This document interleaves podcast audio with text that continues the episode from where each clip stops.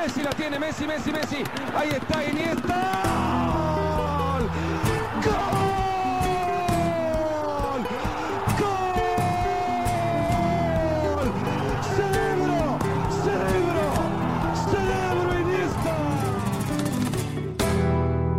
Hey Koen, Dag Michael.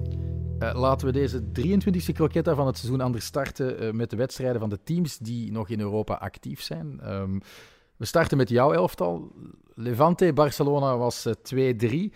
Ehm, drie penalties tegenkrijgen in en eenzelfde match en toch nog winnen. Dat is toch straf, hè? Nou, je hebt ploegen die drie penalties voorkrijgen en eh, moeite kunnen winnen. en je hebt er die drie, er drie tegen krijgen en toch nog winnen. Nee, ja, dat is wel straf. Ehm, het was eh, de eerste keer ooit, denk ik, dat Barcelona drie penalties tegenkreeg in één match. Het was ook de eerste penalty. Ze hadden nog geen penalty tegengekregen dit seizoen en dan drie in één match blijkbaar. Ehm, maar ja, ze pakken, allez, Ter Stegen pakt er, pakt er ene. En ze scoren drie keer, waardoor dat die twee anderen eigenlijk worden weggevaagd. Maar het is wel opmerkelijk. Dat je drie weggeeft. En, en ik wil nu niet over eh, al dan niet penalty liggen discussiëren. Ik denk dat je voor alle drie iets te zeggen viel. En Barcelona speelde gewoon ook echt eh, slecht.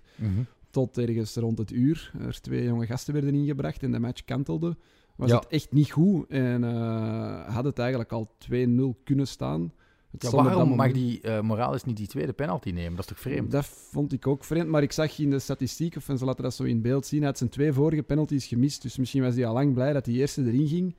En had, dus, had hij zoiets van, ja, het volgende eh, mentale spelletje tegen Ter Stegen wil ik niet doen. Of er is gewoon geen hiërarchie en die twee spitsbroeders die gunnen elkaar dat en die wisselen Ja, want op het af. moment van de derde penalty stond hij er ook nog op. Hè. Hij, is, hij is pas gewisseld in de blessuretijd. En dan Dus- trapt een Melero hem. Ja, dus drie verschillende penaltynemers. Eentje mist, twee scoren, ja. Moeilijk te zeggen. Het was gewoon slecht getrapt. Hè. De gemiste penalty van, van Roger, Roger Marti was, was slecht, getrapt. getrapt. Ja. Was goed gepakt ook, maar was vooral slecht getrapt. Ja. Eh, en dan komt Barça op 1-1 via Aubameyang eh, op assist van Ousmane Dembélé. Eh, weet je de cijfers van, van Dembous sinds eh, Xavi overnam? Ik weet dat hij 14 matchen in La Liga heeft gespeeld en 11 assists heeft. Maar met, met Europa League erbij zal het misschien nog ja, ik heb mij gebaseerd op La Liga. 11 Ah, ja. assists op 11 La Liga-duels sinds Xavi de Ah, ja. basis geworden. Eh, waarvan zes stuks in de jongste vier. Ehm, op kousenvoeten heeft hij Benzema eigenlijk bijgebeend als assistkoning. Ja, het is, het is ongelooflijk. En je zag ook in de midweekmatch op Frankfurt, toen kwam hij erin samen met Frenkie en kantelde de wedstrijd. Ja, hij brengt iets aan, aan dat elftal, waardoor je nu bijna ja, moet zeggen, hij is onmisbaar. Ze, ze kunnen niet zonder hem. Adama Traoré is niet Ousmane Dembélé, is, is, is, is ook gevaarlijk, is snel, heeft een actie, maar het is niet Ousmane Dembélé. Pierre-Emerick Aubameyang werd ook gevraagd... What does Dembele need to do? En hij zegt, stay. Ja. Ja, ja, hij zal er alles Maar aan ze doen. bedoelde eigenlijk, wat moet hij doen om jou op de beste mogelijke manier aan te spelen? Ja, en hij zo, ja. reageerde er met En- een kwinkslag op. Ja, ja. Op dit moment eh, loopt het allemaal wonderen wel, maar het blijft aanslepen. Hè. Er zijn nog altijd eh, stemmen in Spanje die zeggen dat hij al ergens anders getekend heeft. Anderen beweren dan weer dat er nog altijd onderhandelingen zijn met zijn entourage. Hij is op alle gebieden onvoorspelbaar. Hè? Ja, ja dat, zo kan je het best samenvatten, denk ik. Ja, en dat maakt hem misschien ook wel leuk om volgen, vind ik. Want het is, het is een interessant figuur. Hè. We hebben al die verhalen van vroeger met dat laten opblijven, dat gamen, dat slechte eten. Dat maakt eigenlijk mee het verhaal. Ik vind dat juist mooi. Dat hij heeft zijn mankementen, hij heeft zeker zijn fouten. Heeft hij bijgeleerd? Misschien, misschien niet. Het feit dat hij zo als karakter ook niet perfect is, vind ik hem... Dat heeft een gunfactor op een of andere manier. Ja, ik, heb er wel op gevloekt in het verleden. Eh, natuurlijk, hij dat grote, of dat hoge prijskaartje dat hij nooit echt kon rechtvaardigen, maar daar kon hij niet aan doen. Hij was dan vaak geblesseerd. Ja, waarschijnlijk kon hij daar ook niet aan doen, tenzij dat hij er echt niet voor leefde. Maar ik denk dat hij ook gewoon pech heeft en zo'n soort gestel heeft, ja, waarbij dat je veel blessures kan oplopen. Maar nu, nu is hij al ja, enkele maanden op rij fit en, en wordt hij goed gebruikt. En dan zie je wel wat voor een ongelofelijke speler dat hij kan zijn. Eh, je hebt het er net al gezet, hè, gezegd, hè, maar het was niet schitterend. En we hebben. Barça nu bij momenten zien klooien tegen dit Levante. Ook tegen Frankfurt liep het pas beter na de pauze. Zitten er dan gaten in uh, Xavineta? eh, maakt de boot water? En, en waarom? Ja, je hebt daar in verschillende wedstrijden gezien die ze, die ze wel wonnen, die ze niet wonnen. Bijvoorbeeld op Espanyol eh, scoort Luc de Jong ook pas op het einde. 2-2 hadden ze kunnen verliezen. Ja, het, het- het is soms eh, nog niet allemaal zoals Xavi het volgens mij zou willen. Maar het feit dat ze heel veel van die wedstrijden toch nog naar zich toe trekken, of zoals in Frankfurt een goed resultaat halen, ja, moet toch wel een soort van boost geven. Dat je, dat je zelfs weet van, ja, zelfs al lukt het niet, of we spelen een uur lang echt slecht, want sorry, op Levante was het een uur lang echt slecht, en op Mhm. Frankfurt eigenlijk ook. En je komt daar twee keer toch met een goed resultaat uit. Ja, dat, dat moet u wel vleugels geven, denk ik. Maar ik denk wel dat als je dat gaat meenemen in, eh, in het grotere plaatje richting ja, kampioenschap dit jaar, daarom geloof ik er eigenlijk niet in. Dat kan niet elke keer blijven meevallen. En er zullen wel eens eh In de krant, Mundo zijn. Deportivo, werd er gezegd: verliest eh, Real tegen Sevilla, dan is het geloof in die groep helemaal terug op de titel. Ja, dan kunnen ze virtueel tot op zes punten komen, zeker. Ja, dat, maar dan nog, dat, dan moet Real Madrid nog twee keer verliezen en moet je zelf alles blijven winnen. En als er zo'n wedstrijden gaan tussen zitten, zoals op Espanyol, zoals op Frankfurt, zoals nu op Levante, dan zal dat wel eens een keertje slecht aflopen. En dan, dat kan je niet meer permitteren. Barcelona moet alles op alles pakken. Nog, nog acht matchen op rij winnen. Dat is misschien wel wat te veel gevraagd. De goal van Pedri op aangeven van, eh, van Gavi eh, kon je wel smaken, denk ik. Ik vond de afwerking van Pedri ook zo Benzema-esk. Eh, Ja, wegdraaiend van de keeper. Perfect geraakt. Het heerlijke effectballetje. Dat kan hij dus ook. Hè. Ja, het is de laatste weken. Het begon eigenlijk met die goal op, op Galatasaray. En dan ja, die goal tegen Sevilla, nu deze goal. Ja, als hij dat nog toevoegt aan zijn eh, al ongelooflijke eh, pakket aan Ik heb het niet bijgehouden, maar hoeveel doelpunten heeft hij ondertussen? Vijf intussen, denk ik. Dit In La seizoen. Liga Al- alleen? Nee, drie in La Liga en dan eentje in de beker en eentje in de Europa League. Ja. Eh, ja, dat is, dat is meer dan dat hij er vorig seizoen had. Het is nog altijd niet gigantisch veel. Hè? Nee, Om maar te zeggen dat hij... Hij heeft de helft van het seizoen gemist. Ik weet het, maar gaat hij, gaat hij volgend seizoen die lijn doortrekken? ja, als hij die lijn doortrekt dan, en hij speelt een heel Iniesta was seizoen... 8-8 dikwijls. Hè? Ja, hij heeft ook seizoenen gehad met twee goals, nul goals. Hij heeft seizoenen gehad dat hij alle wedstrijden speelde in La Liga en niet scoorde. Ehm, dus eh, ik denk dat hij meer scorend vermogen heeft dan Iniesta. Maar dat heb ik hier vorige keer al gezegd, Iniesta, in onze perceptie eh, scoorde hij wel vaak, maar dat zijn gewoon legendarische goals. Ja, dat op is de cruciaalste momenten. Op cruciale momenten. Dus, eh, maar Iniesta was eigenlijk geen veelscorer. hè. Ik denk dat hij inderdaad nooit meer dan acht goals heeft gemaakt. Als Pedri nu, die heeft nu denk ik twaalf matchen gespeeld en drie goals. Ja, als je dan een heel seizoen speelt, dan kom je al, al snel ook aan acht. hè. Dus Ehm Langlais die heeft misschien eerder eh, drie own goals of zo eh, in de jongste drie Ja. jaar gescoord. Want die viel dan in, hè, veroorzaakte de derde strafschop. de duidelijkste vond ik. Ja, en hij heeft ook echt, niet alleen qua own goals, maar ook qua penalties veroorzaken, een dramatisch track record. En rode kaarten ook. En rode kaarten. ja, dat is dat wel jammer, hè, want die mag dan nooit meedoen en nu krijgt hij nog eens een kans. Ja, En, en waaraan ligt dat? Want ik Denk heb stemmen horen zeggen van ja, het systeem van Valverde was perfect voor het type voetballer dat Langlais is. En onder de coaches daarna wil het gewoon niet meer lukken, omdat hij eendimensioneel is. ja, ik denk dat hij voetballend gewoon tekort komt. Eh, en dat hij dat op allerlei andere manieren wil compenseren of moet compenseren. Dit was nu weer gewoon knullig. Eh, laat zich daar aftroeven in een, in een spurtuel. Komt dan veel te laat. Eh, ja, reageert dan veel te laat op, op een moment dat eigenlijk de aanvaller van Levante wegloopt van de goal. Dus gewoon ook nog dom. Ja, het is vaak bij Langlais gewoon dom. Ik, ik kan het eh, niet eh, op, een, op een minder denigrerende manier zeggen. Nee, niet houterig, gewoon onbeholpen, dom. Ja, knullig. je het houterig. beschrijven? Ja. nee, nee, houterig, dat is meer door de stijl van dat hij... Dat hij loom, loom draait, beweegt, ja. maar zelfs dat is het niet. Het is gewoon pure lompigheid. En het is jammer dat het hem nu weer overkomt, want hij had dit seizoen eigenlijk, omdat hij zo weinig speelt, eigenlijk heel weinig verkeerd gedaan. en dan nu gebeurt dit. Ja, het is, het is goed dat ze nog winnen en dat ze daar eh, eh, uiteindelijk geen punten door verliezen. Ja, maar- Abdel Fattah Kisse van eh, Corner Culture had gevraagd of het niet mogelijk was een stadionverbod voor Langlais in te voeren. Maar dat Ja, vind ik hard. Dat is hard, maar het zal met een kwinkslag eh, gevraagd of Ja. bedoeld zijn door hem. Die had ook nog een, een goede vraag, vond ik, voor ons. Ja. Eh, Nico González die kreeg weer zijn kans, liet wederom geen fantastische indruk. Ehm, is een uitleenbeurt de beste optie voor beide partijen? Of is hij niet goed genoeg voor Barça? Is hij de nieuwe Ricky Puig? hij, hij is anders en ik denk beter, en, en op, op termijn zeker beter dan, dan Ricky Puig. Ja, je moet weten, je hebt op dit moment vrij veel middenvelders en ik denk dat hij in de piekorde eh, vijfde keuze is. En je hebt drie plekken, hè? dus je hebt, je hebt Gavi, Frenkie, Pedri en, eh, en Busquets nog altijd. En dan komt Nico. En dan pas komt Ricky Puig en dan misschien volgend jaar Pjanic nog terug. Sergio Roberto loopt daar ook nog ergens rond als hij niet geblesseerd is. Dus ja, je moet er rekening mee houden dat, dat hij in een, in een rotatiesysteem wel kansen zal krijgen. Als er is iemand geblesseerd of geschorst is, wel kansen zal krijgen. Maar een titularis gaat dat op dit moment niet worden. Ik vond hem nu niet dramatisch. Maar ja, die twee andere gasten zijn jonger, Pedri en Gavi, en beter. Dus ja, dat is wel hebben ook meer in hun mars. Hè. Ja, ze zijn, ze zijn, ze zijn veelzijdiger. Hè. Nico lijkt mij eerder een type Busquets te gaan worden. Hoewel dat hij wel makkelijker infiltreert. Het is meer een loper. Hè, zegt. Ja. Hij is eigenlijk een ideale box-to-box, maar ja.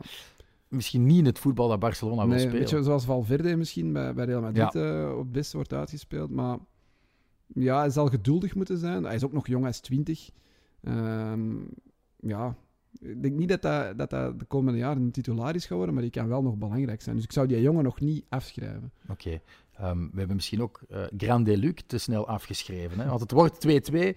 Als eh, ehm, Luc erin komt, is het 2-2, excuus. Het wordt dan nog eh 2-3, dankzij eh, de Nederlandse targetman. Begint toch een beetje cultstatus aan te meten. Hè? Ja, ik, ik was echt heel dichtbij zondagavond om gewoon impulsief shirt te bestellen op de website. In de Van de Jong. Van Luc de Jong, maar ik heb me toch En nog niet van. Frenkie. Nee, van Luc. ik heb me toch nog ingehouden, maar ja, het is, het is geweldig. Hè. Hoeveel punten heeft hij nu al gepakt op die manier voor Barcelona? Ik denk een zestal.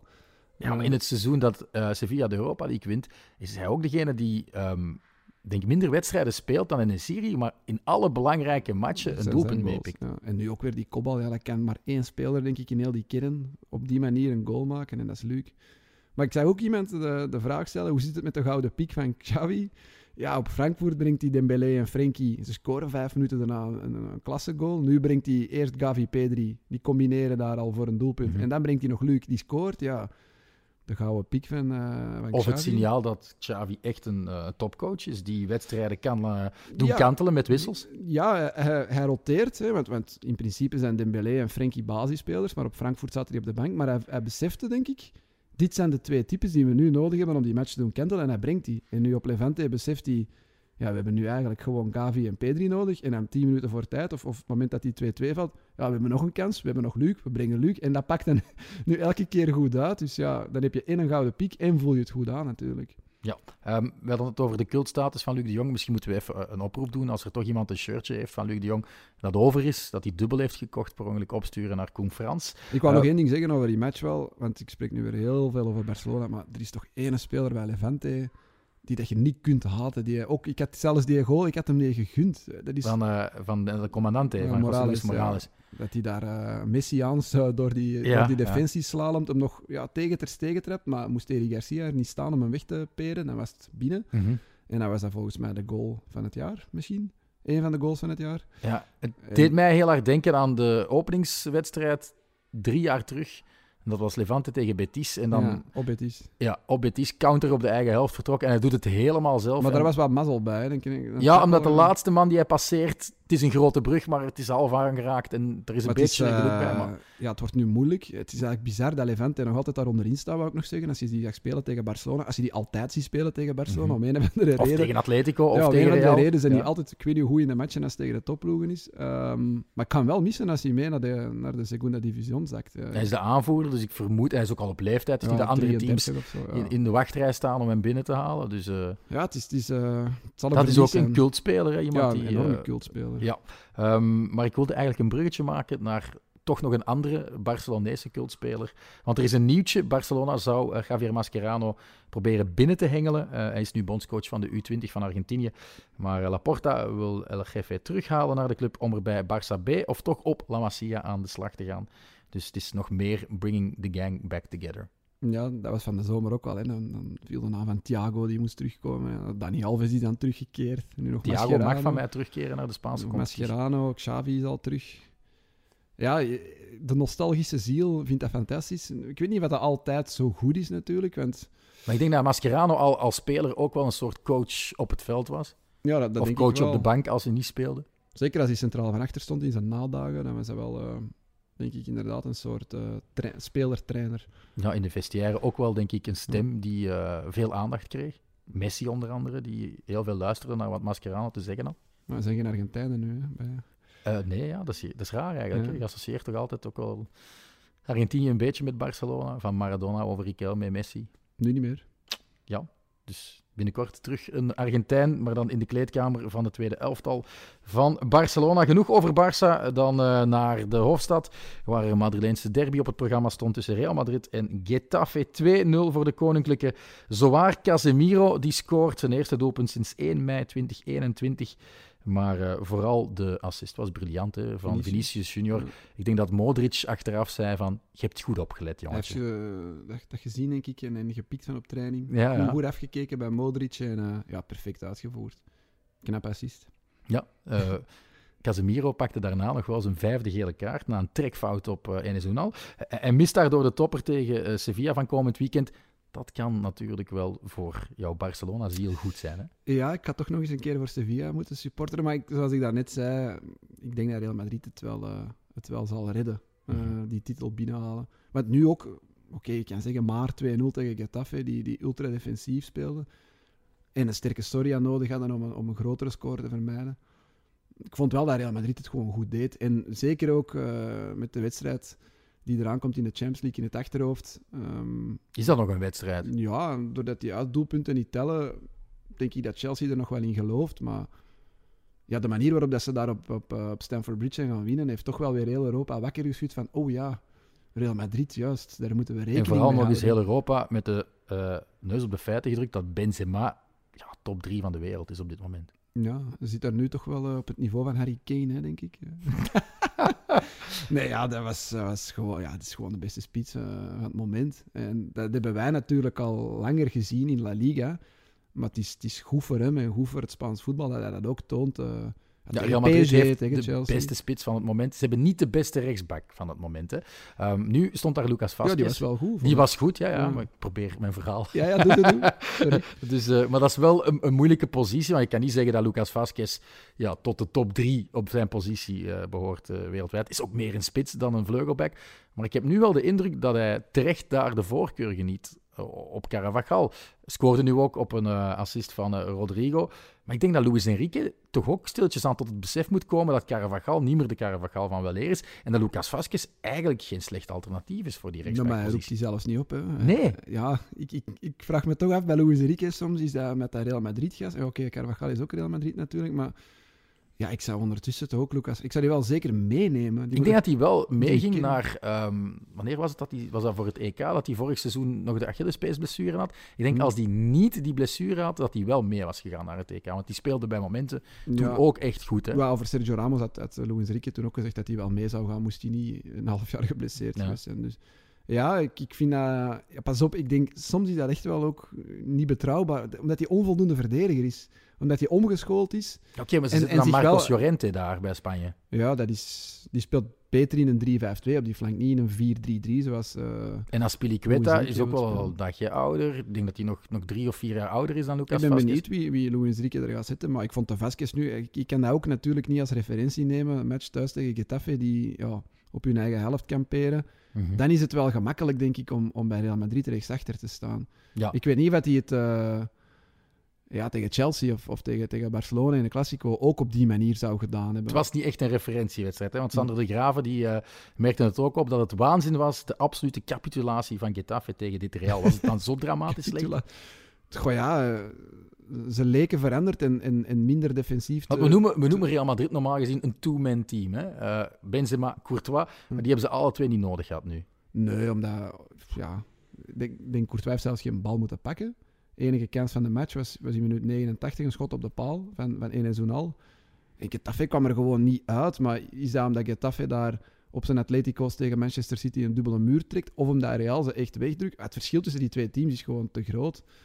Dat is ook geen schande voor Getafe nee, dat is geen op Real met 2-0 te verliezen. Het is niet de match waarin ze, denk ik, punten moeten nee. pakken. En recent hebben ze nog wel Real geklopt, hè, vorig jaar 1-0, denk ik, uh, thuis. Dus, maar nu zat het, ja, het zat, zat echt niks in voor Getafe. En 2-0 is, is gevleid. Dat veel meer kunnen zijn. Mm -hmm. Maar wel weer een clean sheet voor uh, Santibo. Uh, nog eens benadrukken dat we hier bij Croquetta, Croquetta wel degelijk weten wat de Trofeo Zamora inhoudt. Hè. De ratio dus, matchen gespeeld ten opzichte van doelpunten geslikt.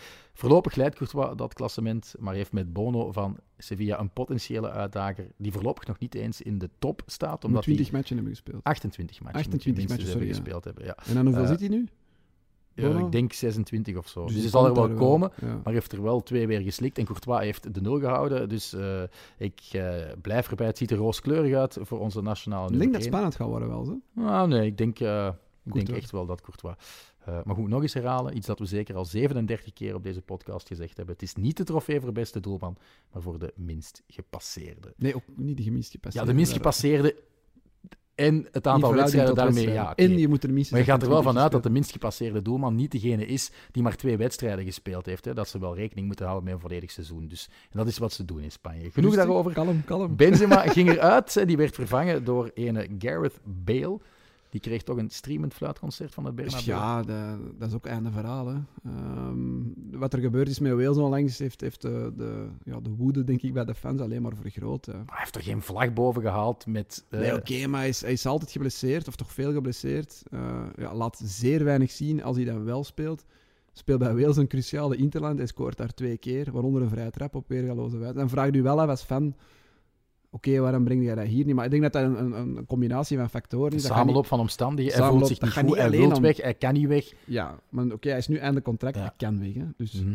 hij zal wel weggaan ook. Maar ja, dat, is, dat, is, dat kan allemaal snel keren. Hè? Als hij binnenkort eh, invalt in de halve finale van de Champions League en hij scoort dan een beslissend doelpunt, kan dat keren. Kijk Ja, en er werd ook wel een beetje gedacht, denk ik, geredeneerd door Florentino Perez. Als de beslissing viel om Ancelotti terug te halen. Ja, die heeft wel die rapport met Gareth Bale, die kennen elkaar. Dus dat kan eventueel wel gewoon vonken geven. Maar de realiteit heeft daar anders over beslist. Dat denk ik, ja. Hetzelfde verhaal met Hazard. Ik denk dat dat gewoon ja, door, door omstandigheden niet is geworden wat ze hoopten dat het ging worden. En je moet dat ook gewoon durven toegeven En durven loslaten. en durven loslaten. Dus Beel gaan ze nu loslaten. Hazard wellicht ook op een of andere manier uitlenen, weet ik veel wat. Maar je moet dat loslaten. Goed, eh, ik zei net de naam Ancelotti. Die heeft eh, in zijn persbabbel trouwens eh, toegegeven dat hij gewoon bij Everton zou gebleven zijn. mocht Florentino Perez hem niet hebben gevraagd terug te keren. Zou, zou Carletto met het huidige Everton in de problemen zijn geraakt, denk je? Het is niet dat hij Europees voetbal dwong hij niet af met Everton, hè? Gewoon middenmoot. Ja, Maar nu Lampert zat er van onder ergens. ja, ja. Ja, ik volg het niet goed genoeg, maar die ploeg is niet zoveel veranderd. Ze hebben wel Manchester United geklopt, hè? Dus, eh, Ja, oké, maar dat kan iedereen van. Ehm, ja, ik volg het niet zo goed, maar ja, ik vind het wel straf dat die van onder staan. Gezien de spelers, ja, als ik dan kijk... Die zijn Deli Alli gaan halen en zo. Dus eh, toch. Ja, dat is toch nog Richarlison en eh, wie is het allemaal? Ja, Ja, dat is toch altijd een goede ploeg. In de championship Dus spelen. dat is een basisspeler bij Brazilië regelmatig, dus dat is, dat is heel raar dat die, eh, dat die van onder staan. Ja. Oké. Eh, weet je trouwens wie eigenlijk de nummer één keuze was om Zidane op te volgen? Dat is ook Mm, recent uitgelekt. Pellegrini? Nee, Nee. Max Allegri. Ah jawel, ik heb dat, ik heb dat gelezen. Ik heb dat Ja, die, die had een Ja. interview gegeven aan eh, GQ Magazine, eh, waar hij eh, ja, heel hard geschminkt op de voorpagina stond. Ehm, die ging normaal gezien toezeggen. Die had eigenlijk al zijn, zijn Fiat gegeven. Hè? Fiat. Snapt hem? Turijn. Ja, ja. Juventus. ja. Ik vond het een goeie, want het spontaan gekomen, het was niet voorbereid. maar die kreeg dus een life-changing telefoontje eh, van de baas van Fiat. eh, dat hij toch eh, kon terugkeren naar zijn oude stal en moest Juventus uit het slop halen. Dat, is, dat is niet gelukt. Maar Allegri, Ancelotti, een beetje ja, van hetzelfde laken en broek. Zou die nog meer of net minder uit deze groep hebben gehaald? Ik weet niet wat je er nog meer kan uithalen. Je moet een kat een kat noemen. Als Real Madrid kampioen wordt en ze halen de halve finale van de Champions League, wat er momenteel goed uitziet. Enkele maanden terug dachten we dat niet. Hè? Nee, nee. Maar zo is Ancelotti dan wel. Geef hem, geef hem tijd en alles, komt, allee, alles valt wel in zijn plooi. Nu moet ik wel zeggen dat hij dat in grote mate te danken heeft aan, aan ja, een superseizoen van twee spelers. Dat is- Drie spelers misschien, hè? Vinicius. Maar dat heeft hij misschien zelf veroorzaakt. Ja, dat van Vinicius, dat, dat wist ik niet dat hij dat kon. Dus dat is er pas uitgekomen sinds Ancelotti er is. Van Benzema en Courtois wisten we dat, maar dat die op dit niveau zouden acteren, ja, dat hadden we nu ook wel niet verwacht. En is dat door Ancelotti? Is dat door ja, is dat toeval? Eh, ik, heb, ik heb geen idee, maar hij doet het met een verouderende ploeg of een ouder wordende ploeg. Doet hem het wel bovengemiddeld goed, Mhm. vind Maar ik. het zijn wel twee trainers, een beetje van de oude stempel, toch? Hè? Allegri en Ancelotti. Ik denk dat die veel vrijheid laten ja, aan die spelers. Ik denk dat je op den duur ook tegen dat soort spelers niet meer veel moet zeggen. Dat je meer een soort ja, Mentor. mentor, people manager, vaderfiguurachtig type moet zijn. Ehm, en dat die spelers dat wel zullen oppikken. Pikken ze het niet op, ja, dan heb je natuurlijk wel een groot probleem. En dan gaan ze u al snel tactische imbeciliteit verwijten. Wat Courtois onlangs wel heeft gedaan na de Classico. maar ja, als het, als het goed gaat, is dat allemaal goed. Als het slecht gaat, dan, dan kan dat tegen die man een keer. Ik weet niet hoe lang die carrière van die twee trainers nog, nog gaat duren. Dat, dat kan geen- Allegri is wel wat jonger dan Ancelotti, maar die heeft eigenlijk vroeger altijd gezegd: ik wil maximum tot zijn 55ste werken. En ik denk dat hij daar nog maar twee jaar van verwijderd is of zo. Dus, uh, ja, en Ancelotti, dat is binnen vijf jaar ook wel gedaan, denk ik. Uh, ja, ja misschien nog welke, zo één welke doelen gaat hij zich nog stellen als hij ook in Spanje kampioen is geworden? Dan heeft hij alles gewonnen wat er te winnen valt in het eh, eh, bestaan van een coach. Ja, misschien naar een Belgische club komen en eh, de Jupiler Pro League winnen of zo. eh. Hoe- dan? Eh, wie, waar gaat hij dan naartoe? Standaard, lijkt me ploeg. standaard, ja. ja. Ancelotti bij Standaard. Dat kunnen die Amerikanen misschien wel betalen. Hè? Geen idee. We zoeken het heel erg ver. Mallorca, Atletico Madrid was verrassend genoeg 0-1. Veel woorden hoeven we 1-0, aan... eh, 1-0. 1-0, sorry, ja. Ja. Zo binnen van Ja. Atletico. Anders was het niet zo verrassend. Tweede keer iets. Tweede keer inderdaad, in december ook gewonnen, maar dan in het Metropolitano met 1-2. Ehm, maar veel woorden hoeven we aan de wedstrijd zelf niet vuil te maken. Atletico was niet goed. De eerste helft was qua kwaliteit misschien ondermaats. Felix en Lodi kregen volgens mij onterecht rust. En eh, bij de pauze haalt El Cholo dan ook nog eens een talisman naar de kant. Onterecht Koke, rust. don't do it. Onterecht rust, ja. Ik, ze staan er in La Liga nu wel nog vierde, maar de kloof met vijf en zes is niet groot. Dus als je ervan uitgaat dat ze de Champions League niet gaan winnen en het via de competitie gaan moeten doen, dan... Wel, dan moeten ze João Felix toch laten spelen. Ja. Ja, dus is het onterecht dat je die rust geeft? Met ja het maar oog nu is het met het oog op, eh, op die match die er nog aankomt. eh, Ik denk dat ze pas niet meer gaan rusten als ze uit de Champions League liggen. Ah, Het is heel moeilijk, hè. Mhm. Stel dat er nu iets gebeurt. Ik denk dat hij dacht dat je, het op Mallorca wel zou maar je zit te surfen op dat goede gevoel in eigen competitie. 18 op 18. 18 op 18, zes matchen op rij gewonnen. En dan haal je je meest eh doelpuntrijke eh, speler van het moment, degene die het makkelijkste weg naar goal vindt, ja, die haal je eruit. En ook Lodi speelde in competitie geweldig hè, de voorbije Ja, maanden. Dus ja, Europees ook. Ja het, is, ja, het is moeilijk. Het is altijd lastig. Hè? Zo, die match tussen twee eh ja, knockout matchen in de, in de, in de Het- Champions League. het Real Madrid, Real Madrid en Barça hebben het ook gedaan. Hè? En daar lukt het wel. Enfin, bij Barça dan nog met de kern misschien ook wel een klein beetje, betere kern. Ja, Maar- maar- ja. Even zeggen, ehm, ze verliezen. Hè? Het spel was niet goed, maar die penaltyfout, Reinildo, ja, vond ik wel penalty. maar die raakt toch de bal? Langs achter. En Ja, maar het is niet dat hij door dat been stampt. Hè? Ik vond dat eerlijk er gezegd, zelfs nog... Ja, ik vond dat streng. ja, ik wil ja, over- ik ben natuurlijk niet 100% neutraal, maar Nee, ik vond het dom van Renildo in de eerste plaats. Hij, hij geeft de kans aan de scheidsrechter om te blazen en de VAR komt niet tussen. Dus wil het eigenlijk niet meer over dat soort eh, beslissingen hebben. Maar ja, het was gewoon echt slecht van Atletico. En ze hebben bakken kritiek gekregen voor de manier waarop ze tegen Manchester City hebben gespeeld. Vond ik onterecht, want ze spelen daar in mijn ogen een vrij verstandige wedstrijd. Mhm, hebben dat daar is een ook mijn paar mening geweest. ze hebben de daar een mening paar- van Filip Joos. Dat, Ja. dat ze gewoon niet op een andere manier kunnen spelen Ja, tegen een team van het kaliber Manchester City. nee, speel daar anders tegen. Open, Je verliest vizier. 4-0. Ja, je verliest 4-0 en de terugmatch is overbodig. Nu kan het misschien nog. En ik moet erbij zeggen, ja, ze hebben geen enkele keer op doel getrapt in die match. Eerste keer ooit, bla bla, waanzinnig slechte statistiek. Maar als ze daar een paar counters beter uitspelen, Griezmann verkneukt. komen ze daar bro, twee ja. of drie keer alleen Ja. op Ederson. Hè. Dus eh, op die manier kan je volgens mij tegen Manchester City wel iets halen. Maar ja, wat ze dan dit weekend tegen Mallorca hebben gedaan, is gewoon eh, ja, beneden hun niveau. En En, het is al een achtste verliespartij van het seizoen. Dubbel zoveel als in het kampioenjaar ervoor. Ehm, het is geen geslaagde generale repetitie. En we kregen nog een vraag binnen van een luisteraar, Jeroen Almelo. Eh, die was er heel vroeg bij deze ochtend om 8 uur al zijn vraag ingestuurd. Eh, ja, de, hoe zeg je dat? Morgen stond, brengt goud in de mond. goud in de mond. Heeft goud in de Heeft mond. goud in de mond. Wat is volgens ons de verklaring dat Atletico zoveel punten laat liggen tegen de kleintjes dit seizoen? Ehm, ze hebben ook wel van de grote verloren, want ze zijn verloren van Real, Barça en Sevilla. Eh, maar ze hebben er ook wel zes tegen de mindere teams. Nee, dat kan niet. Vijf tegen de... Ja, nee, zes. Zes tegen de mindere teams, denk ik. Kan ik nu? Mijn Eh, wiskunde heel slecht. Nou ja, ze Nee, acht, hè. Dus drie ze, ze hebben, ze, hebben Ze hebben verloren. Vier van de zes matchen tegen de laatste drie hebben ze verloren. Ja, ja. Vier van de zes tegen de laatste drie. Dat is Dus wel echt twee pijnlijk. keer verloren van Mallorca, tegen Levante, tegen Granada en tegen Alaves. Ja, Dat zijn de nederlagen. Granada staat niet bij de laatste drie, maar ja, die Ja, drie maar ja, die mag je Ja, wel ook als degradatiekandidaat Dat is pijnlijk. En dat denk ik, en eh, daar waren ze in Spanje nu ook al over bezig, is, is een mentaliteitsprobleem. Want vorig jaar wonnen ze die matchen wel, wel vaker. En dat zijn de matchen die het verschil... Nee, ze wonnen die matchen niet vaker.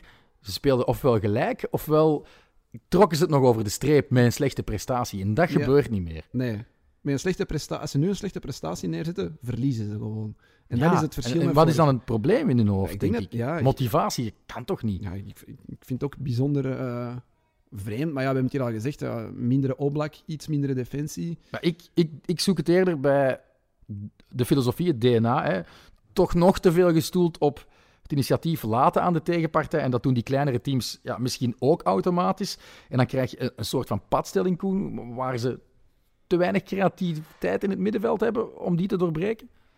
Ja, ik weet. Is- is- Maar wie is nu degene echt met een eh defensie splijtende paas in dat team? Dat heb je niet, hè? Ja, maar, dus je wilt zeggen dat het probleem vooraan ligt? Nee, Ah, in het middenveld, om de mensen vooraan te bereiken. Ja, Als het, hè, al, maar ze scoren voldoende dit seizoen, hè, om, om, om toch minstens een derde... Alleen Barcelona en Real ja, Madrid maar hoe vaker. komen die doelpunten vaak tot stand? Individuele klasse. Individuele klasse of een snelle counter. Ja, ja dat is waar. Maar dat is moeilijker tegen een... tegen een klein team dat zelf voor de eigen eh, 16 meter eh, kampeert, is dat moeilijker. Hè? En, en moet je iemand hebben, zoals een Kevin De Bruyne bij Manchester City, die de bal krijgt, die over zijn linkerschouder ziet en een bal 40 meter verder in de rug van twee verdedigers is makkelijk om te zeggen, hè, dat Atletico hoger zou staan als Kevin De Bruyne. Ja, uiteraard is dat, is dat een binnenkopper van je welste. Maar Koke is niet dat type speler. En zoek dan eens die andere middenvelders.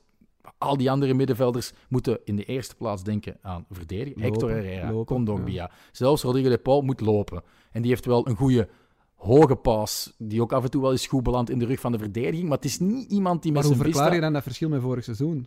Want er is toch geen middenvelder vertrokken? Ja, nee, maar Ja. Jorente... Ja. En dan zijn we bij een andere de, de vraag. confituur van Llorente en Carrasco, vind ik ook, sorry, is wel, is wel groot. Ja, maar in het begin van het seizoen waren we weer Carrasco aan het ophemelen, omdat Ja, iedereen zijn richting uitkeek en hij deed alles Maar dat is typisch, typisch Carrasco. En dan, Om dan weg te kwijnen. Een blessure. En, dan- ja, dat Ja. is zo Januzaj Carrasco gedrag, hè. nee, dat, is- dat is te denigreren. Hoe kan een Llorente dat meemaken? En Carrasco, ja, is dat dan ook het tweede seizoen? De tegenstand kent hem beter, weet beter daarop in te spelen. Ja, Want die spelen er toch al langer dan vorig seizoen. ja, dus, maar eh, ik zie één grote afwezige in het spel op de rechterkant toch zeker. En dat is Trippier. Trippier is naar Newcastle gegaan. En Llorente is daar nooit meer ja, van, eh, van hersteld. Je kan toch niet zeggen dat Atletico dit seizoen slechter speelt dan vorig seizoen omdat Trippier weg is. Dat kan toch, er er is- ik denk van wel, eerlijk gezegd. één speler, een rechtsback. En Trippier is eigenlijk nog zes maanden bij Atletico geweest. Hè? Dus eh ja, nog- geblesseerd geweest. Dus Ja, en dan nog wat gegokt en zo. ja, Ja, dat, het is moeilijk soms om een verklaring te zoeken ehm, of te vinden. Ik denk dat ook bij, bij Atletico het ook wel een samenloop van omstandigheden zijn, maar hoe verklaar je dat bijvoorbeeld Oblak tot een paar weken terug geen enkele bal niet meer Nee, kon ja, tegenhouden? Dat kan toch niet alleen in zijn hoofd zitten? De- Ik de- denk dat dat ook een beetje pech is en dan in zijn hoofd gekropen is, Ja. omdat het lang duurde. En dan gaat die defensie misschien zoiets zeggen van oei, onze keeper is niet meer onklopbaar. Die defensie Maar nu zijn we aan het zeggen dat het eigenlijk allemaal makke karakters zijn die snel beginnen te twijfelen. Ja, maar dat, ik blijf het dat associeer je niet met El Cholo als ik wil het omdraaien. Ik blijf het ongelooflijk straf vinden dat ze met die ploeg vorig jaar boven Real Madrid en Barcelona zijn geëindigd. Het blijft straf dat Atletico, gezien de ploeg die ze hebben, de spelers die ze hebben, boven... Sorry, ze hebben het met een afdankspits van Barcelona gedaan. Dus, dus je wilt eigenlijk jaar, zeggen dat die titel meer te wijten valt aan het eh, ja, laten eh, eh, afweten van de twee grote teams in Spanje.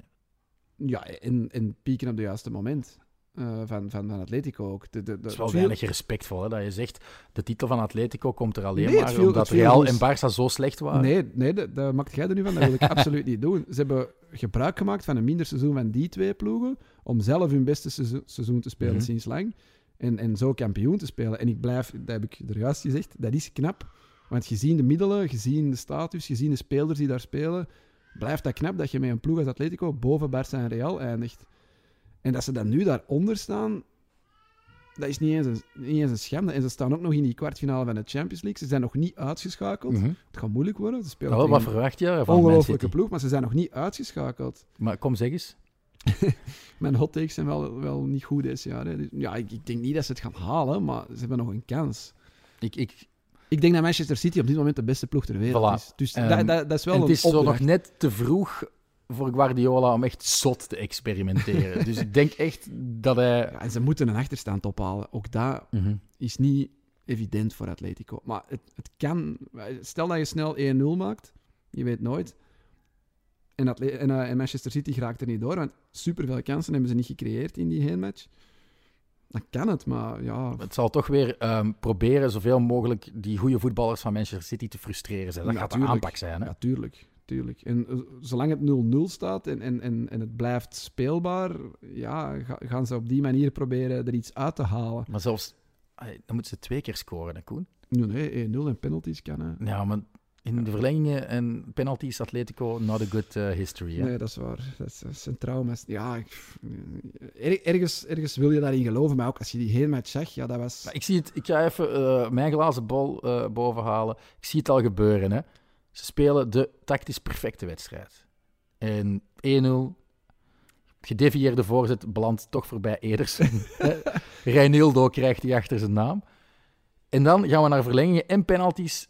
En is de beslissende penalty eentje voor João Felix en die mist hem. En die krijgt dan alle, alle, alle kritiek over zich heen. Dat zie ik echt, dat zou typisch Atletico zijn. Dat is echt wel Mocht dat een nu zwart gebeuren. kijken. Ja, ik ben redelijk pessimistisch ingesteld.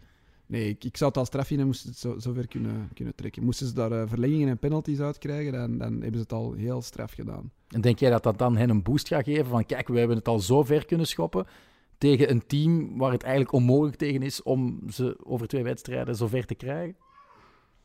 Goh, moeilijk te zeggen. Dan kunnen ze in de volgende ronde Nee, ook ik gewoon denk, ik denk dat er op het veld bij Manchester City gewoon jongens met meer zelfvertrouwen staan dan, dan bij Atletico. Ja, dat sowieso, denk ik. Ik denk dat als je op dit moment bij Manchester City speelt, dat je zoiets hebt van, ja...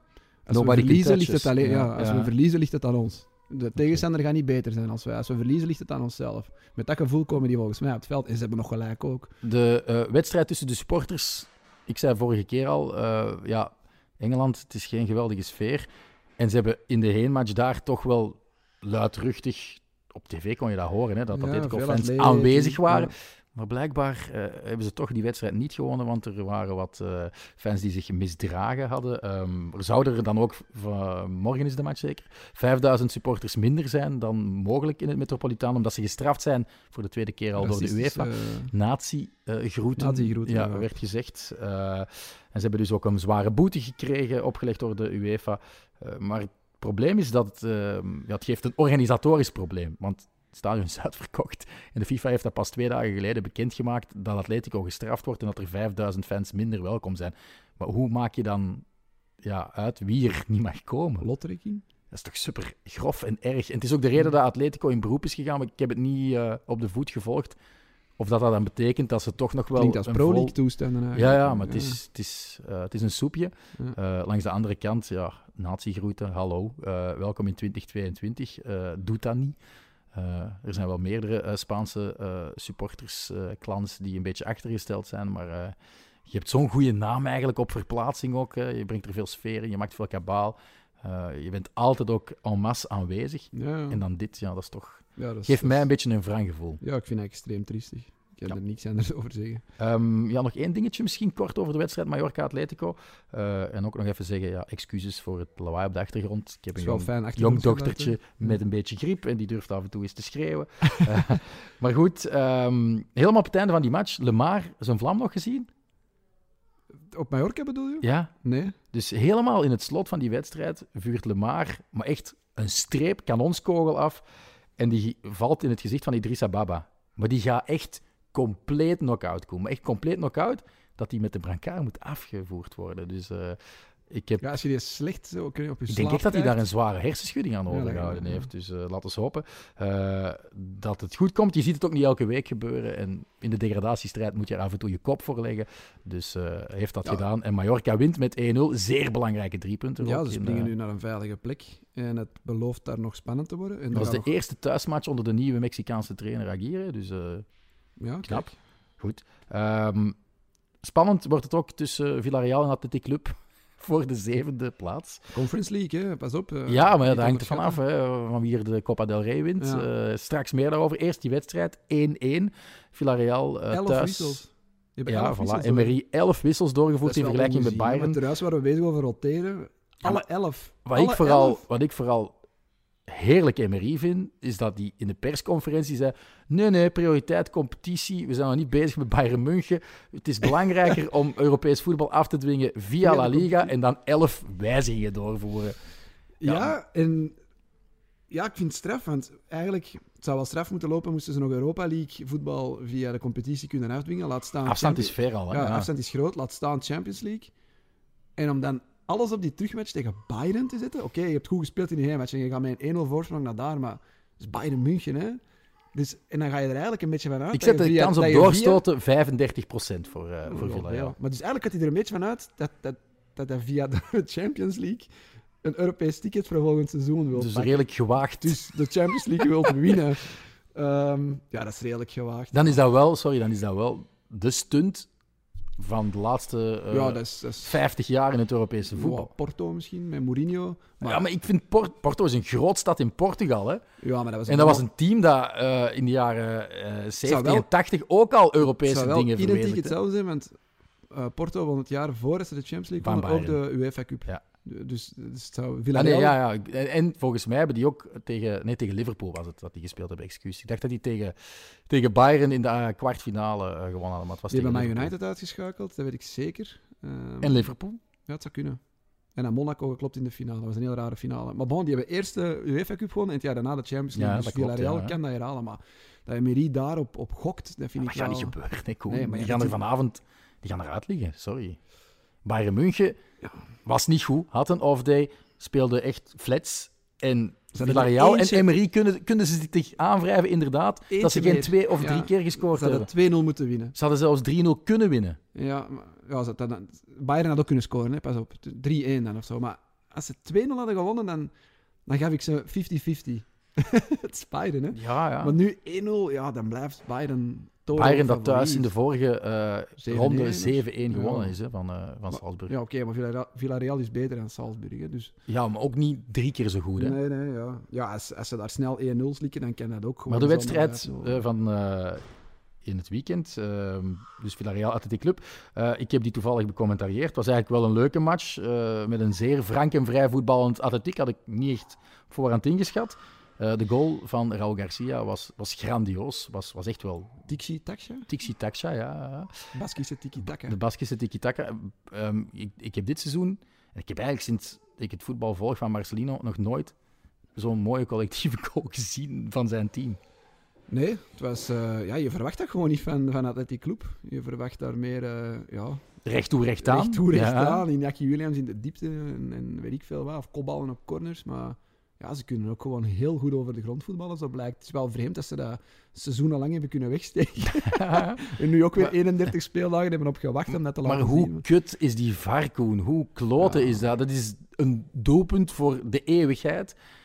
En weer heb je zo een onderbroken emotionele viering. eh, Er waren weer een paar eh, bizarre beslissingen. ja, dit, ik, ja. ik vind echt, puur voor de romance, is die VAR...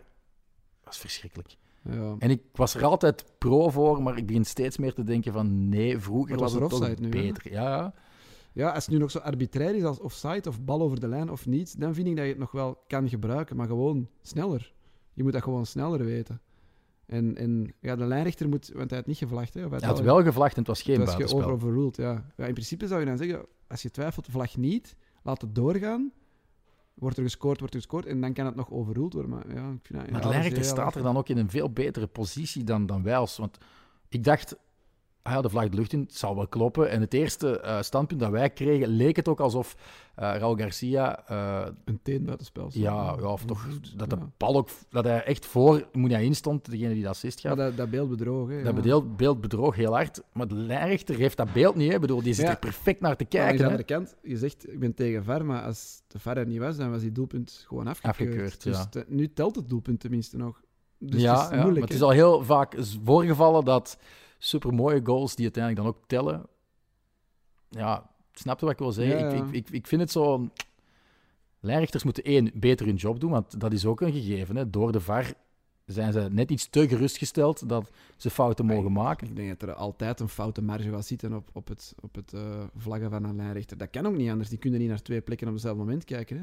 Dat, dat is wetenschappelijk of gewoon fysiek niet mogelijk. Die moeten kijken naar de bal die vertrekt en naar de lijn voor zich. Dat, dat gaat niet. Moeten er niet meer vrouwelijke lijnrechters met je één zijn? oog naar links kijken. Ja, maar er wordt toch de altijd gezegd dat vrouwen meerdere dingen tegelijkertijd kunnen doen. Is Ja, dat niet gewoon een oplossing? We zetten alleen maar vrouwelijke lijnrechters. Ja, of, of echt scheel kijkende mensen die met één oog naar links kunnen kijken. Ja, maar ja, die kunnen met één oog naar links kijken en de andere rechtdoor. Anders Oké. kun je dat niet zien. Dat gaat niet. Je verliest een fractie van een seconde als je als je, je zicht draait. Dus misschien is heb er nooit over nagedacht. Dat gaat toch niet? Koen dat Frans stuurt een brief naar Arsène Wenger. Nee, maar kom aan, dat gaat niet. Ik heb de oplossing voor het probleem. Eh, goed, eh, uiteindelijk volgt er nog een gelijkmaker van de jarige Pedraza. Ook naar een mooie combinatie tussen Trigueros, Chukwueze en de doelpuntenmaker. Eh, al mag gezegd worden dat Oscar de Marcos eh, steviger tussen eh, mag wel nog, hij brengt dan wel nog vijf basisspelers in. Ja. Emery. Gerard Ja, Moreno onder ja, andere. Danjuma, Coquelin, eh Lo Chelsea, die vallen dan wel nog in. Ja. Dan sparen ze ook niet Ja, echt, what's hè. the difference? Ja, Ja, dan kunnen ze ook nog een blessure oplopen of ik weet Mhm. niet waar. Dus, ja. Oké. Maar ik vond het opmerkelijk. Maar... Lewandowski Emery- hat-trick Emery zal wel- incoming vanavond? Goh, Ik denk van wel. dat gaat zo typisch zijn. Hè? Zo En, drie- en geloof je 3-0. trouwens de geruchten hè, dat de Poolse spits naar Barcelona kan? Fabrizio Romano is erover aan het tweeten, dus dan moet je het wel bijna... Ja, in de Poolse media zeiden ze, eh, er is een akkoord. En hij heeft zelfs Barca al inge- eh, Bayern al ingelicht dat hij gaat vertrekken. Dat Zeg werd dan wel. ontkend. Zegt toch wel iets over de aantrekkingskracht nog altijd van Barcelona. ja, maar ja, kom aan. Die Dus- gast is bij de, bij de drie beste spitsen van het moment. Misschien zelfs bij de twee. Hè. Samen met Benzema zit hem daar in het debat. Mhm. Beter En dan en Haaland en Mbappé. En die dus. wil weg bij Bayern. Die ligt daar nog een jaar onder contract. En die wil weg bij Bayern om naar Barça te gaan.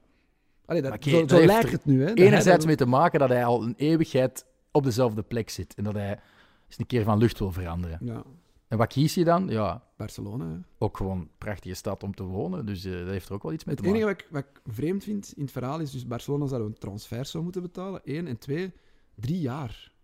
Een contract voor drie jaar. Die gast wordt straks 34. Ja, Dat vind maar ik wel veel. die, die mens die voetbalt alsof hij nog 25 is. Ja, ja, ja, ja.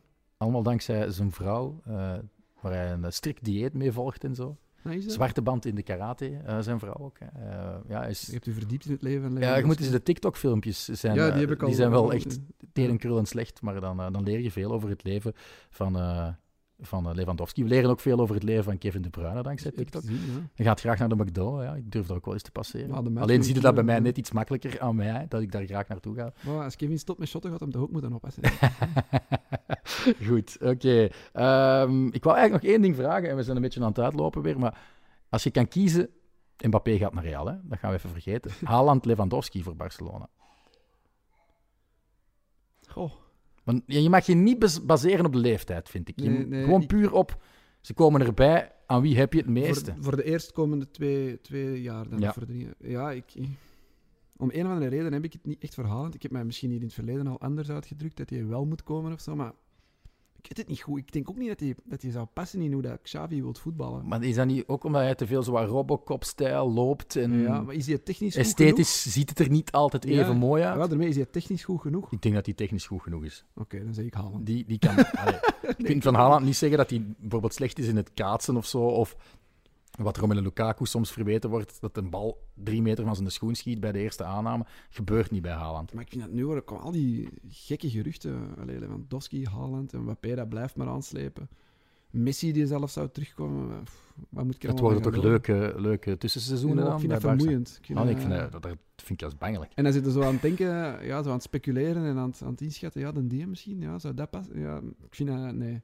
Ik vind nu straf dat bijvoorbeeld Aubame- Aubameyang daar perfect past. Hè. Er worden Ja, daar ben ik ook wel heel verbaasd over. statistieken gekomen van... eh, hoe- Acht goals al in La Liga. Ja, nee, Eh, hoe snel dat andere spitsen bij Barcelona aan 10 goals zaten. En ik denk dat alleen Ronaldo en ja, nog één, ik weet al niet meer wie, sneller aan 10 goals had of minder matchen nodig hadden om hun Mhm. eerste 10 goals voor Barcelona te maken. David Villa misschien? Dat zou kunnen, ja. Dus dat... dat ja, Eto'o, denk ik. Ja, ik Ja. weet het niet, zwart. Maar ik vond het straf dat hij daartussen stond. We, Tussen we al die hebben grote nog spitsen. niet gebabbeld over eh, de Sevillaanse clubs. Eh, Sevilla-Granada eindigde vrijdag op 4-2. Een Andalusische derby in het Sanchez Pizjuan. Sevilla kon dus een 31ste match van het seizoen winnen. Na 20 minuten keek het wel tegen een achterstand aan. Mooi geplaatste bal van Darwin Machis. Goal van de week. Ja, in La Liga Magazine, de goal van de week. Niemand weet waarom. maar dan de hulk van Sevilla, Diego Carlos, die gelijk maakte in de eerste helft op een heel mooie assist van eh, Navas. Navas probeerde nog te scoren met een eh, karate-trap van buiten de 16 meter. Eh, het was een heel entertainend duel, eh, vooral door de prangende slotfase. Hè. Ja. De tweede helft komt Sevilla eerst op 2-1 via Ocampos. Eh, met nog twee minuten te gaan komt Granada op 2-2, maar Het was Rafa ook kans Mir- na kans, hè. ja, Rafa die Mir heeft 2-2. ook nog... Ja. Hè, die maakt dan de ehm 2-3, 3-2 liever, in de 93ste minuut. Had eerder nog een doelpunt zien afgekeurd worden. En dan eh, scoorde El Papu nog de 4-2 in de 99ste minuut. Eh, pijnlijk voor Granada dat ze op die manier ja, toch weer de degradatie zien opdoemen. Hè? Want Ja, tot minuut maar- 88 heb je een punt op Sevilla. En een verdiend punt op dat moment. En op het moment dat die 2-2 valt, denk je, ja, classic Sevilla gaan hier weer niet winnen en, en gelijk spelen. Ehm, maar ze winnen, ik heb gecheckt, het is maar hun derde overwinning in de laatste 12 matchen. Mhm. Dat is wel heel weinig, hè? En toch Ja. staan ze daar nog altijd. Ja, maar vorige week hebben we hier eh, aandacht eh, besteed aan het feit ja, Sevilla en Betis gaan onderling uitmaken wie er vierde wordt. Maar ze hebben nu de derde plek weer te pakken, evenveel punten als Barcelona. Het zou best nog kunnen dus dat ze tweede worden. Nee, dat denk ik niet. Ehm, maar ja, gezien dat Atletico zo onregelmatig blijft, ondanks die 18 op 18 nu dan gaan verliezen op Mallorca, misschien voor die derde plek wel, de derde, vierde, vijfde plek, kan het nog spannend worden. En Betis wint ook eigenlijk met, met meer geluk dan kunde. Ehm, maar dat ging je misschien nu vertellen? Of? Ja, Sabiet gaat over Eh, Betis. ja, dus Eh, ja, maar- die winnen allebei en, en Atletico verliest. Dus ja, die, komen, die sluipen terug dichterbij en, en Mhm. mogen dromen van plek 3. Ik wou nog eens een eh, luisteraarsvraag erbij halen. Alexander Ooms vroeg zich af. Martial, heeft hij het niveau van La Liga gewoon onderschat of is hij gewoon niet goed genoeg? Ik zou gewoon dat laatste durven Ja, zeggen. het zal wel een reden geweest zijn waarom dat hij bij Man United niet meer speelde. Het goede Ja. kind van Weleer van Monaco is Ik- niet meer. Ik schat op dit moment Sevilla hoger in dan Man United. En dan, dan is het al straf dat je denkt dat je als bankzitter bij Man United bij Sevilla plots een basisspeler gaat worden. Hij heeft het gewoon moeilijk om zich in die ploeg te knokken. Maar hij is al een paar keer als flankaanvaller uitgespeeld. Nu als diepe, diepe spits ook al enkele keren. Ehm Brian Suarez Duarte zal het niet graag horen, maar hij is gewoon overroep. Hij is gewoon niet goed genoeg. Ja, heeft, heeft hij gast een zware blessure gehad of zo? Nee. En ik vond die in het begin wel echt, als hij zo 19, 20 jaar was. Dat was de Mbappé avant la lettre. hè. ja, daar werd, er is ook belachelijk veel geld voor 50 betaald. miljoen, dat Ja. tot 80 miljoen kon groeien als alle bonussen werden. Ja, kijk. Was op dat moment ook de duurste tiener aller tijden. Zo zie je maar. Hè. Ehm, carrière kan veelbelovend beginnen en dan helemaal in het slop geraken. Want die is nog altijd heel jong, toch? 23 of zo, 24. Ja, die zal onder de 25 zijn, denk ik. Ja. Ja, had ik daar meer van verwacht? Ik weet het niet. eh. of had, had hij er meer van... Hij zal er wellicht meer van verwacht hebben, maar... Ja, ik had nu niet gedacht dat hij daar direct even de man ging worden. Nee, Eh, maar je had wel verwacht dat hij toch vijf goals ging maken. of Ja, zo. ja. Ja, zwart. Eh, nog een Andalusische derby. eh Cadiz Real Betis. 1-2 voor de Beticos. Rare openingsgoal. Kanaal is knalt in de hoek en dan gaat de bal over de doellijn doorgeknoeid bij, bij de thuisploeg. Maar de VAR keurt die openingsgoal af. eh, en ze bleven daar dus ook bij. Vreemde situatie, omdat Fekir in eerste instantie twee meter Ja, Buiten de- staat, buiten het veld. Ja, maar die deed niks. en dan nog zou geïnterfered hebben bij het wegtrappen. Maar die deed toch echt letterlijk niks. Wat denken aan die, die goal waarbij Aspas Ja, tegen Real Madrid. week... eh, Maar die deed nog een beweging naar de bal. Was gewoon nu een verdediger waar die een bal wegknalt op de lijn en trapt er eigenlijk naast en krijgt hem door zijn benen of zoiets. En Fekir staat er een beetje in de buurt en die stond dan, of die kwam terug uit buitenspel. Ja, het is heel rare- Ik vind het een verzinsel precies van de VAR. Ja. Zoeken naar iets dat er niet is en toch dat doelpunt afkeuren. Heel, heel vreemd, echt waanzinnig. Maar het breekt Betis wel niet zuur op, want ze winnen. Eh, in eerste instantie wel, want een blunder van eh Juan Mi zet Alejo voor doelman Bravo en ze komen dus op voorsprong Cadiz, maar Betis scoort nog twee keer na de pauze. Christian Theo als invaller met zijn eerste baltoets op assist van Fekir. En dan krijgt eh, Betis een redelijk goedkope penalty. Compensatie. Ja, denk het ook. Na een fout op eh, andere invaller Iglesias. Die zet hem zelf om. Eh, ik heb hier in dikke letters staan, Koen. Hendrik van Krombrugge moet naar Betis. Ik heb altijd al een boon voor Van Krombrugge gehad als, als keeper. Ehm, bij Eupen al in zijn eerste jaren. Komt helemaal nergens vandaan. maar- Ja, ik ben nog een uitleg aan toe. Hè. Ja, Dus Maar jij lanceert gewoon een gerucht of zo. ik lanceer een gerucht, ja. Ja. Eh, en, en misschien moet ik ook gewoon zijn naam doorspelen naar Antonio Cordon, de technisch directeur van, eh, van eh, Betis. Waarom lanceer ik dit gerucht, beste Koen? Omdat ik gelezen heb dat hij al heel het seizoen communiceert met zijn voltalige defensie in het vloeiend Spaans. Ja, oké, ja, je hebt daar Murillo, Panamees, je hebt... eh, eh, hoe noemt hem daar de Argentijn? Magalaan in, in, eh, in het centrum van de verdediging. Je hebt Sergio Gomez. Maar je hebt ook Wesley Hoed. En blijkbaar is het ook Spaans tussen twee Nederlandstaligen tijdens de match. Omdat Hoed, en, en dat was ik eigenlijk al half vergeten, ook een, een uitleenbeurt heeft gehad aan Celta de Vigo. En daar dus ja, waarschijnlijk verplichte Spaanse les heeft moeten volgen. En dus heel vreemd dat je als twee personen die moedertaal Nederlands hebben tijdens de match En toch dus in het Spaans. Spaans kan, En Real, en Real Betis heeft een keepersprobleem. Ja, en een inloopperiode gaat Van Krombrugge niet nodig hebben, want hij kan al de taal en hij is een goede keeper. En vooral inderdaad het 1 feit dat 1 is 2, ja, dat is een Claudio. Bravo op leeftijd, veel geblunderd eh, tegen Sevilla. Nu, deze match niet, hè. Nee, maar dit seizoen is hij niet de allerbeste, Nee, Bravo. nee. En, en ik had meer verwacht van die keeper die ze in Granada zijn gaan halen, eh, die Portugees daar, Rui. eh Rui Silva. Eh, die heeft ook in de Europa League zwaar eh, het laten afweten. Dus eh, is Van Krombergen eh, gewoon de oplossing voor, voor Betis.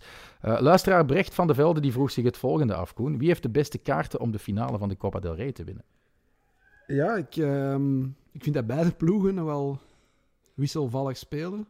Je zou zeggen nu Real Betis is favoriet. Ik heb dat hier denk ik ook al gezegd. Omdat Ja. ze hoger staan en, en meer goede matchen hebben gespeeld dan Valencia. Maar Valencia is misschien wel een grotere club in, in, zijn, in zijn totaliteit. En het is ook niet dat die dramatisch spelen. Of, Grotere club in zijn totaliteit. ja, toch nog recent landskampioen geweest. hè. Recenter, ja. Recenter, ja.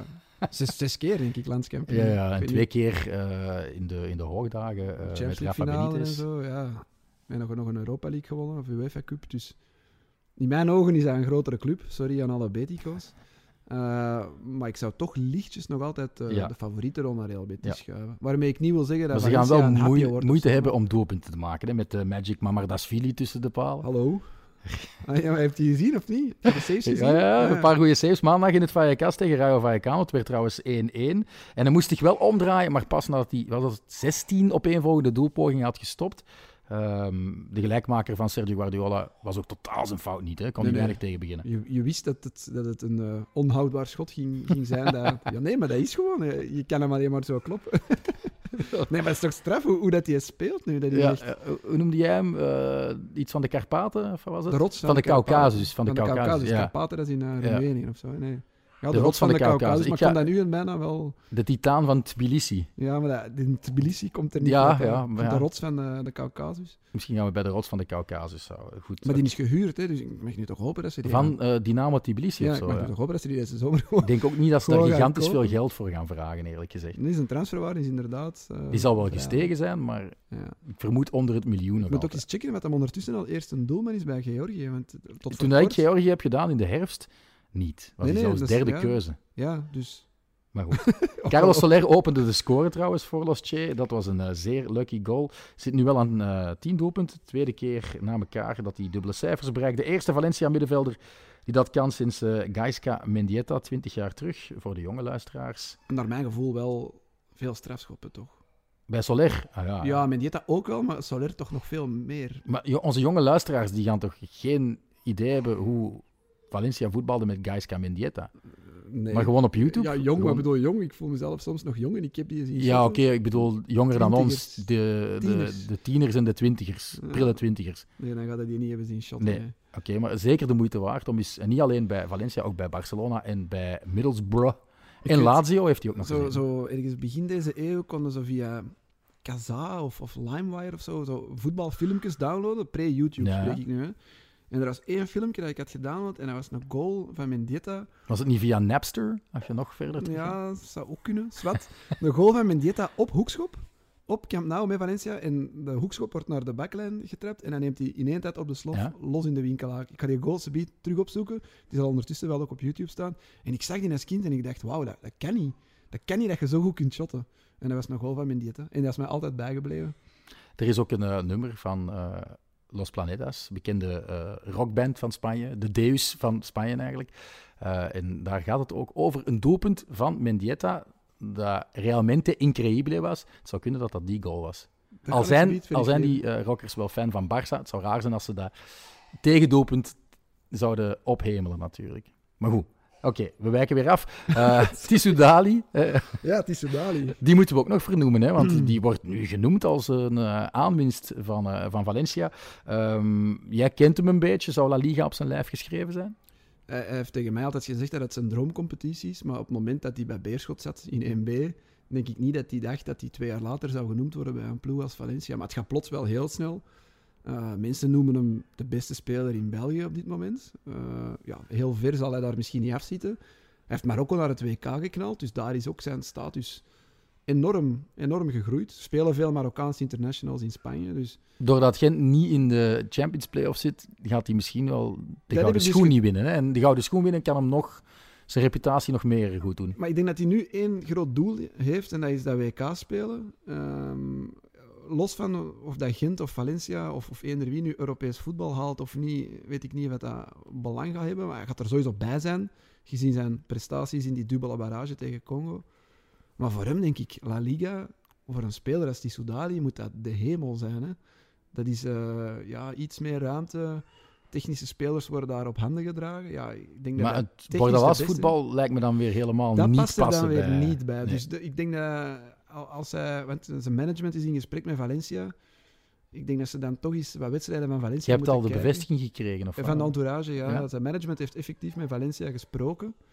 Uh, maar dan gaan ze toch eens wedstrijden moeten bekijken van, van Valencia onder Bordalas. Om te zien hoe dat de aanvallende Anders spelers... zo'n soort eh eh João Felix bij Atletico Madrid eh, Ja. gevoel. Van, En het, het ding is hij moet leren verdedigen voor hij aan aanvallen Voor mag denken. Tissoudali is het volgens mij wel, wil hij zo'n transfer maken. Hij is laat prof geworden, hij is nu al 29. Het is wel nu of nooit, denk ik, om, eh, om naar een grote competitie te gaan. En als ik dan één competitie aan hem zou aanraden, of waar ik hem zie, zie, zie schitteren, dan is het wel La Liga. En dan bij een middenmotor als Valencia, ja, why not? Mhm. Ik denk dat we dan wel eens gaan kijken volgend Het is jaar. een, het is een, jazeker, ja, dan gaan we naar- Ik ben nog nooit in de Mestalla geweest. Dat staat echt heel daar hoog op mijn... eh, geweest. Ja, Blijkbaar heel gevaarlijk, heel stijl. ja, eh, voor mensen met vertigo zou ik het niet aanraden. Niet te veel drinken voor de match dan misschien. Oké, goed, dat kan ik niet beloven. Ehm, eh, ik wilde ook nog heel eh, lang babbelen over de kleinere affiches van het weekend, maar we zijn al zo lang aan het praten dat het uur in de buurt komt. Eén ding misschien nog, tenzij je het echt over Osasuna wil hebben of over de nederlaag van Celta de Vigo tegen Espanyol. Nee, ik wil nog de penalty die afgekeurd werd van Real Sociedad spits Isaac.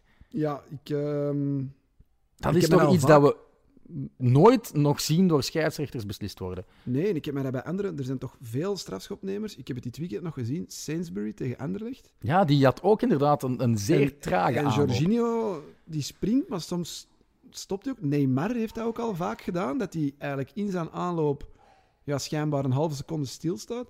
En dat wordt nooit afgekeurd. En nu wordt het afgekeurd en krijgt Isaac geel. Dus gewoon Maar het was ook, fout van Isaac geel en ja, het was ook, voor het was ook vreemd. Het was niet à la Jorginho, het was niet à la... Neymar. eh, nee. Nee, eh, het was ook geen eende aanloop. Hoe noemt hem nu weer, de Italiaan op het EK? Ah, Pelle. Ja, nee, niet Pelle, nee, nee. De ene aanloop. Allee, ik kan niet op zijn naam komen. Die is dan... eh, waar heeft hij allemaal gezeten? Bij Sassuolo is hij dan teruggekeerd. Allee, de bekendste penalty-aanloop aller tijden, Koen. We kunnen er Ah, niet nee, op komen. Zaza. Zaza, Simone Sorry. Zaza. Ja. nu Pelle, Ja, ik ja, ja, bedoelde Zaza. Simone ik Zaza. wie je bedoelde. Dit was nog iets totaal anders, hè? want de aanloop is eigenlijk al gedaan. Het is niet dat hij hem onderweg onderbreekt. Hij is gedaan. En dan, op een of andere ja, giraffenmanier dat Isaac alleen maar kan, Ja. gooit hij zijn been achteruit, zo wat opzij. Zwengelt. En ja, een, een, een Kate Ryan kniezwengel. en dan fluit die scheidsrechter dat af. Ja. Ik weet niet of dat 100% volgens de regels is, maar het is gewoon zeer uitzonderlijk dat het gebeurt. Dat een scheidsrechter de ballen heeft om dat te durven bestraffen. Ja, we- wellicht is het terecht, maar het is opmerkelijk dat... Ja, je ziet het inderdaad niet vaak. Oké. Daar eh, kunnen we misschien mee eindigen. Tenzij nog een tip. Eh, iedereen kent al topshots, hè, eh, waar je met een soort lingo-spel Jupiter Pro League spelers in een bepaald aantal gokken moet raden. Maar er is ook, eh, ja, hoe heet het? Missing11.com met het spelletje La Liga Who Are You. De moeilijkheidsgraad ligt er wel redelijk hoog, Koen. Al had Koen gisteren maar twee pogingen nodig om Militao te raden. Ja, Vandaag heb ik het nog niet gecheckt. ik heb ook maar... nog niet gespeeld. Maar die Eurogoals vind ik ook nog wel de moeite. Ja, ja. Dat is iets- maar dat was... Allee, zelfs ik had hem na één keer vandaag. Ik, ik heb hem elke keer na één keer gehad. Dus ik... Ja, maar ik, ik vind gewoon die, die screenshots zijn zo wazig dat, ik- dat ik moet zoeken. Is dat nu Spanje? Is dat nu Arsenal? Is dat nu... allee, met Van Persie bijvoorbeeld. Ik kende die goal, hè. Maar Ja, of die van Gascoigne. Zag je direct, euro die heb ik 96. gemist. Wanneer was dat? Ja, de tweede dag. Ah ja, die heb ik Dat was die goal, dat ze zo die, die drinkbus in zijn, eh, Ja, in zijn ja, ja, gezicht ja. spuiten. eh, Iconische goal. En dan zag ik direct aan het staan, dat is, Wembley, dat is euro 96. En dan zo... Ja, oké, maar Ah ja, die shirtjes, die grijze shirtjes zijn ook super herkenbaar, hè. En die goal van Rivaldo zat er ook bij. Ja, dat Ja. is ook ja, super herkenbaar. Ik heb toch twee pogingen nodig gehad daarvoor. Dus, eh. Schandalig. Maar Liga, La Liga Who Are You, dat is echt voor freaks. Dat ja, is echt dat voor is echt wel... topquissers. Dat is iets moeilijker.